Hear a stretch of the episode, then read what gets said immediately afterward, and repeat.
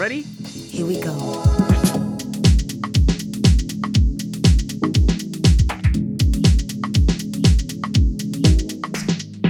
Hej! Välkommen med till Hantera dina fyrk. Här pratar vi om pengar och ekonomi.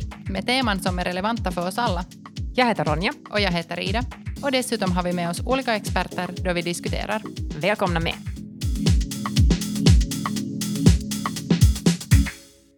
Välkommen till Hantera dina fyrk. Idag sitter vi i studion och vi har med oss Björn Broman från Aktia. Välkommen med! Tack för inbjudan och tack för möjligheten att få delta idag. Hör du, eftersom vi vet lite om dig, men våra lyssnare inte vet så mycket om dig, så vill du berätta lite om dig själv? Vad gör du? Vem är du? Och så vidare. Jag heter som sagt Björn Broman, jag jobbar på Aktia Bank, jag jobbar på jag jobbar på vår kundservice med ungefär 70 kollegor och vi ser varje dag till att, att alla våra kunder får den hjälp de behöver med sina frågor och ärenden gällande vardagsekonomi. Eller ekonomi helt generellt också. Vad har fått dig själv att bli intresserad av att jobba på bank då? Det, är en, det är en lång historia, men, men första gången som jag, jag tror att jag att min mamma och pappa sa att, att, att jag ska någon dag bli bankdirektör, så jag tror jag att jag var fem år gammal och vi besökte Aktia Banks kontor vid Töle torg och jag, jag var lämna in, in mina besparingar från min spargris. Och då när, när den när kontorschefen på plats så sa att mig att hörde att, att kom upp här nu och titta hur det här nu går till så lyfte han upp mig på kassadisken och så visade han när de här mina sparade slantar hälldes in i en mynträknare som var helt topp, toppmodern på den tiden. Automatiskt räkna alla mynt. Så då, då var jag såld. Och på den vägen är du fortfarande då med andra ord? Ja, nu, nu har man ju där längs med vägen åkt lite slalom mellan det ena och det andra men, men, men i något skede av mina studier så insåg jag att, att, att jo, det var ju det här jag var intresserad av. Och sen, sen 2012 så har jag nu jobbat på Aktia Bank och, och har aldrig varit lyckligare med någonting jag har gjort som, som yrke. Det låter jättebra. Vad heter det? Jag tror det kanske är ganska sådär vanligt det där just att man, man har en bankupplevelse med sin familj och ofta kanske man också stannar faktiskt i den banken eh, i början av ungdomen och början av vuxenlivet, att, att man får en sån här första koppling. Så du är ju liksom ett praktexempel på det också, som för finländarna, finländarna är ju överlag ganska dåliga på att byta bank faktiskt, säger statistiken. Så det där är intressant från den synvinkeln också. Jo, jag håller helt med. Jag håller helt med. Det, det är ytterst vanligt. Man kan säga att finländarna är dåliga på att byta bank eller sen att de är ytterst lojala till den banken som de har vant sig med. Exakt.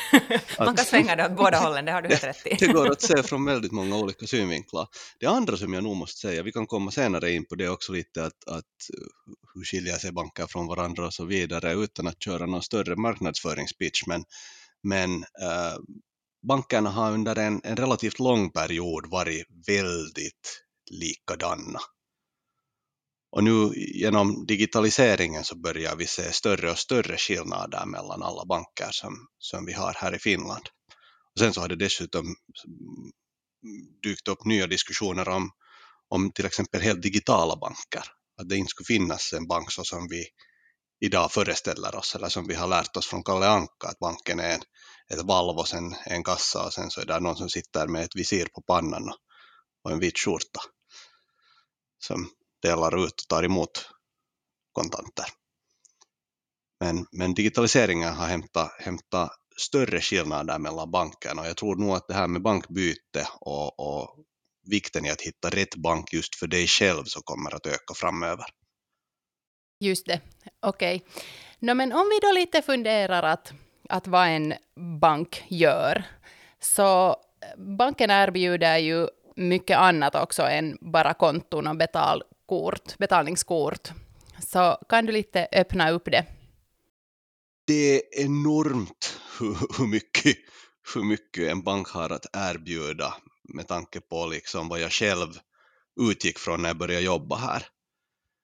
Okej, det är en tid sedan redan och man har hunnit se, se allt möjligt längs med vägen och, och det där. Eh, en bank erbjuder en massa olika sorters ekonomiska lösningar för privatpersoner, företag, institutioner. Uh, det handlar inte bara om, om ekonomi såsom pengar, utan, utan det handlar om, om just konton, betalkort, nätbank, mobilbank.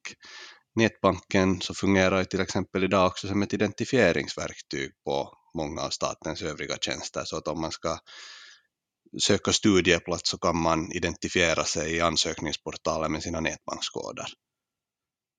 Och det är ju någonting som bankerna erbjuder. Och, och, sen så har bankerna en stor varieté olika lån, allt från kreditkort som är helt ett lån, det är ett riktigt lån,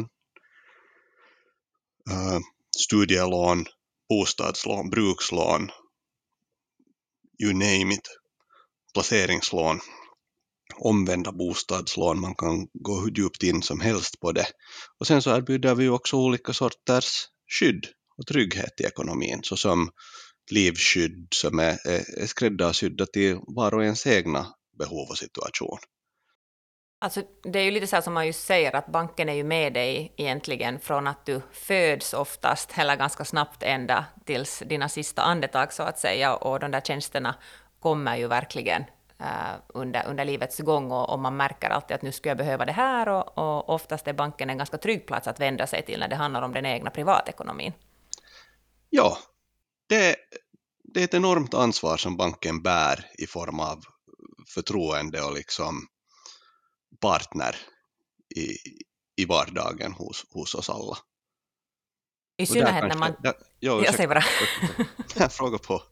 jag skulle bara säga det att, um, att i synnerhet när man tänker på det att ni ju förvaltar faktiskt allas pengar, eller liksom att man, man sätter ju in sina egna pengar, lönen kommer in och det trillar in på bankkonto som är hos, hos banken då, så, så det är ju fint det att det, det finns sådana instanser som man kan lita på till, till liksom toppen och, och de där pengarna får ligga där och, och sen får man ännu råd och tips över hur man ska göra med sin egen privatekonomi. Men där funderar vi att är alla pengar som finns då hos banken, är de då bankens, eller är det just så där att en stor del av pengarna är faktiskt kundernas? No, det, det är hur stor del av, av, av de pengar som en bank förvaltar, att förvalta så betyder då att, att ha under en viss period eller längre tid eller hur som haver. Men, men av alla de pengar, medel som banken förvaltar, så, så det där, de, de finns de finns inte i, i fysisk form i källaren, ska vi säga så. Äsch då, så utan, det är inte så spännande att gå, att gå ner i bankens källare då som man skulle tro. Nå no, nej, men sen så, jag har fördelen att jobba på en bank som har funnits jättelänge. Vi är den äldsta banken i Finland. Så vi har en hel del fin historia som man lär sig en hel del om sen när vi går ner i källaren här hos oss, men, men pengar hittar vi nog inte där, inte, inte mera. Uh, det, största delen av alla pengar så existerar ju elektroniskt. Och, och, och det här måste man återspegla det här till sitt eget beteende i vardagen till exempel. Att absolut största delen av allting du köper så köper du idag med kort eller, eller Apple Pay, Google Pay. Det finns olika helt digitala betalningsredskap. Och kontanter används mindre och mindre i vardagen. Så det betyder också att banken har mindre och mindre kontanter i fysisk form. Men alla pengar så, så finns ändå, de, de, hur ska jag nu säga det här så att det blir så klart och tydligt som möjligt. Är det som att det är siffror och digitala nummer ute i cyberrymden? Ja, och, och eh, hur stor del av, av pengarna som tillhör vem, så det redogör alla banker för väldigt, väldigt noggrant i sitt bokslut. Och bokslut är lite på det sättet då som en ska vi säga, innehållsförteckning på alla pengar som under olika perioder rör sig in och ut i banken. Så här, intressesmurfarna antecknar och vill fråga att är bankernas bokslut öppna? Ja. Det beror lite på hurdan, hurdan, hurdan bolagsform banken har. Men Aktiabank till exempel så är, är ett aktiebolag och vi gör, vi gör delårsbokslut och och, och årsredovisning helt enligt det som kallas fiskala året. Just det. Det som du nämnde här om att, att pengarna, just som sagt, att vi använder ju fysiska pengar mycket mindre, så, så det är ju faktiskt någonting som är en stor del av, av samhället just nu, och pengarna blir mer osynliga, vilket ju ofta också gör det att eh, det kan också kännas svårare att handskas med pengar eftersom man som ung kanske inte egentligen någonsin har använt sedlar och, och mynt i den, den befattningen, utan den där första upplevelsen med pengar är just kanske det där egna, egna bankkortet som du kan få som ung, vissa elektron eller vad de heter nu för tiden. Vad heter faktiskt kort som du kan få i dagens läge om du är underårig? Uh, de flesta kallas debit. De har någonstans i sig ordet debitkort.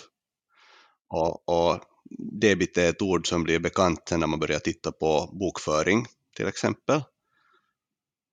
Och det, det ordet betyder, om man nu fritt översätter det, så betyder det liksom eh, riktig kassa.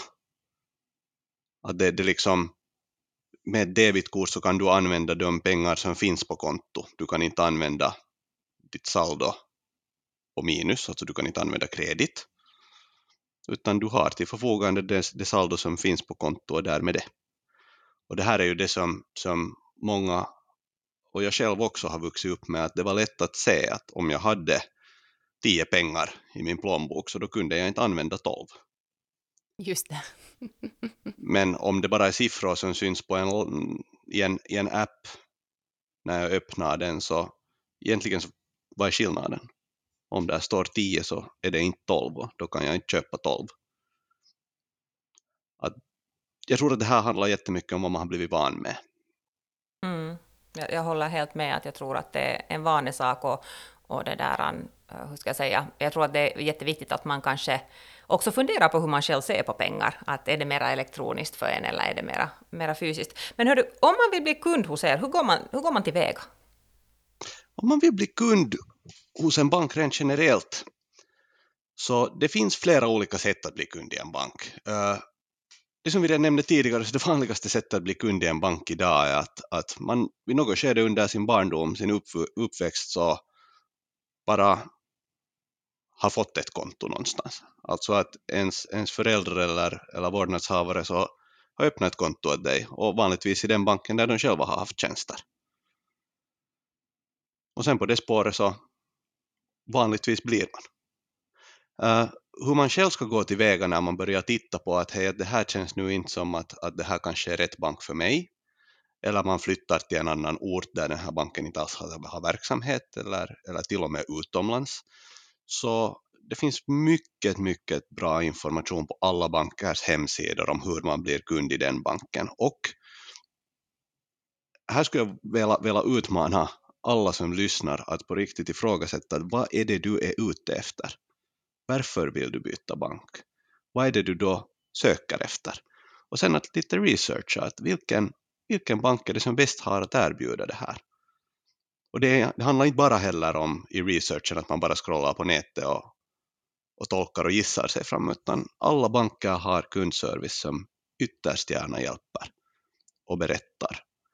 Och det andra som är helt strålande enligt mig så är det att åtminstone hos oss så all den expertis vi har, all den ekonomiska rådgivning vi har att erbjuda så det är gratis. Hur är det om man vad här, skulle vilja vara kund i två banker? Är det möjligt det då? Det är möjligt. Men jag ser nog inte varför det skulle vara... Jag personligen så ser inte riktigt nyttan med det. Blir det inte bara svårare att sköta ärenden på två olika ställen? Har flera olika nätbanker. Var hade jag det här och var hade jag det där? Nu, väntas nu, vad var pinkoden till vilket kort och så vidare. Det låter bara svårt i mina öron. Men sen igen så ju större och mer invecklad ekonomi du har så desto mer specifika och, och mångsidiga blir ju också kraven på, den, på skötseln av den ekonomi, ekonomiska helheten som du, du rullar varje dag, vecka, månad. Och i en sån situation så, så kan det till och med sen bli lönsamt att ha, ha sin ekonomi och, och helhet utspridd på flera olika ställen, flera olika banker. Just av den orsaken av att alla banker är specialiserade på lite olika grejer. Precis, jag skulle säga att det kan ju hända att det finns någon tjänst som en bank inte heller då råkar erbjuda på en viss ort eller någonting och sen den vägen så kanske man väljer då att, att ha två, två olika banker. Men som sagt, jag tror att du har helt rätt i det där att desto mer komplex verksamhet eller privatekonomi man har så kanske man behöver mera. Men också någonting som är värt att fundera på, att varför skulle jag vilja exempelvis vara kund i två banker? Det är ju jättebra att man funderar på de här sakerna.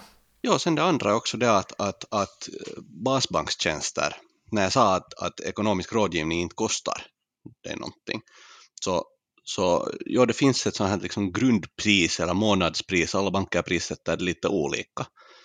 Men dina tjänster kostar. På samma sätt som att, att en prenumeration av Netflix, så det kostar, också fast du inte tittar på en enda film.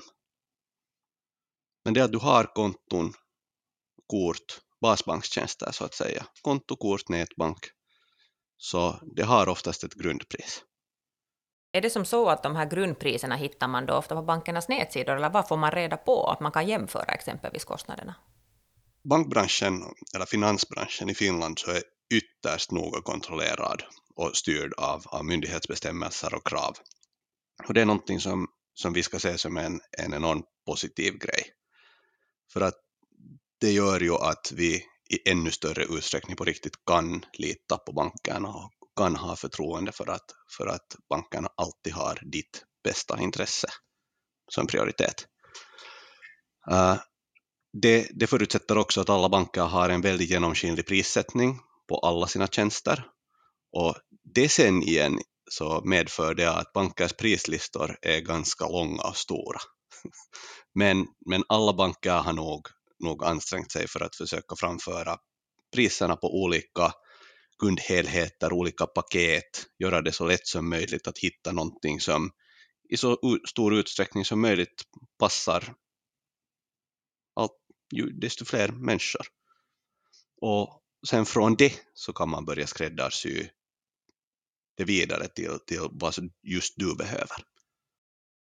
Men om vi så här skulle försöka summera upp det här med att välja bank och hur man ska gå tillväga och allt det här, så egentligen så tycker jag att det kommer ganska tydligt fram av dig nu att det första steget är att fundera vad du behöver och vad du vill ha. Sen ska du jämföra och kolla vad bankerna har att erbjuda.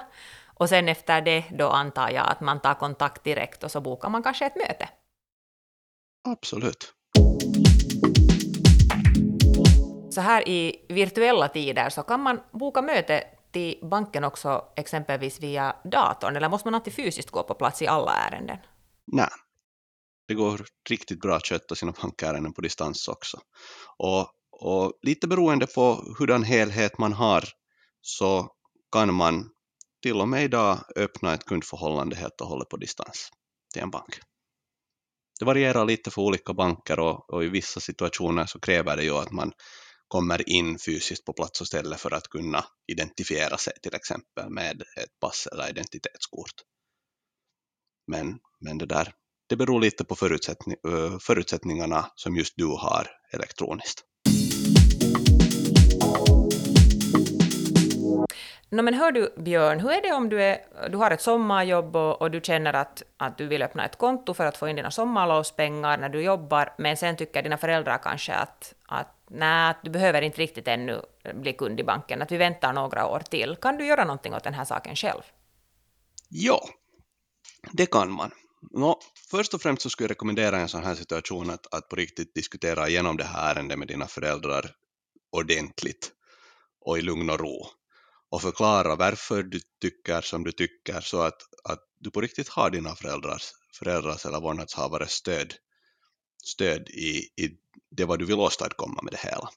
Men, men vad du helt enkelt personligen har rätt till, så från det att, att du har fyllt 15, då när du officiellt får börja jobba, så, så om du kan påvisa att dina inkomster är dina egna införtjänster, alltså du har ett, ett eh, lönekvitto till exempel, eller du kan visa att ja, det här är sådana pengar som du själv har förtjänat som stipendier kanske från skolan eller något liknande, så har du rätt att, att öppna ett konto åt dig själv också fast du är minderårig. Sen så finns det begränsningar i, i till exempel vissa till, vilka tilläggstjänster du kan få till det hela. Att, ja, du kan få ett, ett vanligt debitbetalkort till, till ditt, ditt då brukskonto, ditt lönekonto. Och sen så kan du få en nätbank, men den här nätbanken så kommer inte att ha kopplat den här identifieringstjänsten. Vilket betyder att du inte kan identifiera dig själv, just av den orsaken att du är minderårig och, och, och det där, dina vårdnadshavare då ännu också bär, bär ansvar för dig. Men du får alltså verktyg att handhålla om de här egna, egna införtjänade pengarna. Det får du. Ja, men jag tror att det där är en information som är jätteviktig att, att veta att man kan så att säga hantera de här sakerna och, och ta tag i dem själv också, fast man kanske inte ännu har fyllt 18. Ja, faktiskt. Okej, det här var ju intressant att det är möjligt att få det där, eh, de här, eller man kan bli kund fast man är då um, under 18. Hur är det då kostnaderna? Uh, kostar det liksom, är det, är det samma priser? Det, är en, det, det där är en jättebra fråga och, och just som minderårig så, så ansvarar du ju för de, de pengar du själv förtjänar och, och, det, där, det är en fråga som vi ofta på banken också får, att men vad kostar det då för mig att, att ha tjänster? Eh, på Aktia så, så kostar dina basbankstjänster ingenting ända tills du fyller 27. Och man får också andra, andra förmåner, till exempel i form av täckningsprovisioner på månadsspar eller annat, annat sånt här ekonomiskt relaterat i hela vårt tjänsteutbud. Eh, det som man måste vara, vara noga med ändå, ändå de tilläggstjänster som är kostnadsbelagda. Och det är till exempel om man, om man sen börjar beställa extra tjänster från banken såsom eh, extra kontoutdrag. Man får varje månad sitt kontoutdrag till sin nätbank. Det är färdigt i, i, i pdf-format där så att du kan öppna det, se på det, du kan printa det om det behövs skickas någonstans till exempel för, för att ansöka om, om studiestöd eller, eller så vidare. Ehm, men om du beställer extra kontoutdrag så det är en extra tjänst och den är sen prisbelagd för alla. Att där, där har vi en viss jämlikhetsprincip som vi också måste följa, följa på banken. Eh, en annan grej som, som är jätteviktigt att komma ihåg att kostar att när du i en, en automat, till exempel 8-automat eller Nosto-automat som nu är de två, två som syns, syns i, i gatubilden här hos oss i Finland, så om du i de automaterna gör en saldoförfrågan, så då är det en tjänst som den tjänsteleverantören erbjuder dig och då kostar det. Jag tror att det kostar 50 cent per saldoförfrågan eller något liknande i dem. Men skulle du kolla saldo i din egna mobilbanksapp eller wallet, Aktias kortapp, så då kostar det igen ingenting. Och de här apparna i sig så kostar inte heller någonting. Att man måste vara lite, man måste vara lite smart i, i i sina val helt enkelt. Så, så då kommer allting att gå bra. Då behöver man inte heller vara orolig för kostnaderna för dina banktjänster. Inte. Just det. Okej. Okay. Hej, det här har varit jätteintressant. Tack Björn att du har varit med. Tack själva hörni. Det har varit intressant för mig med. Jag tror att det här avsnittet har varit ett sånt där man får de här grund, grundkunskapen som man behöver för att kanske första gången traska in till banken och, och fundera på vilken service man själv behöver. Det hoppas jag med.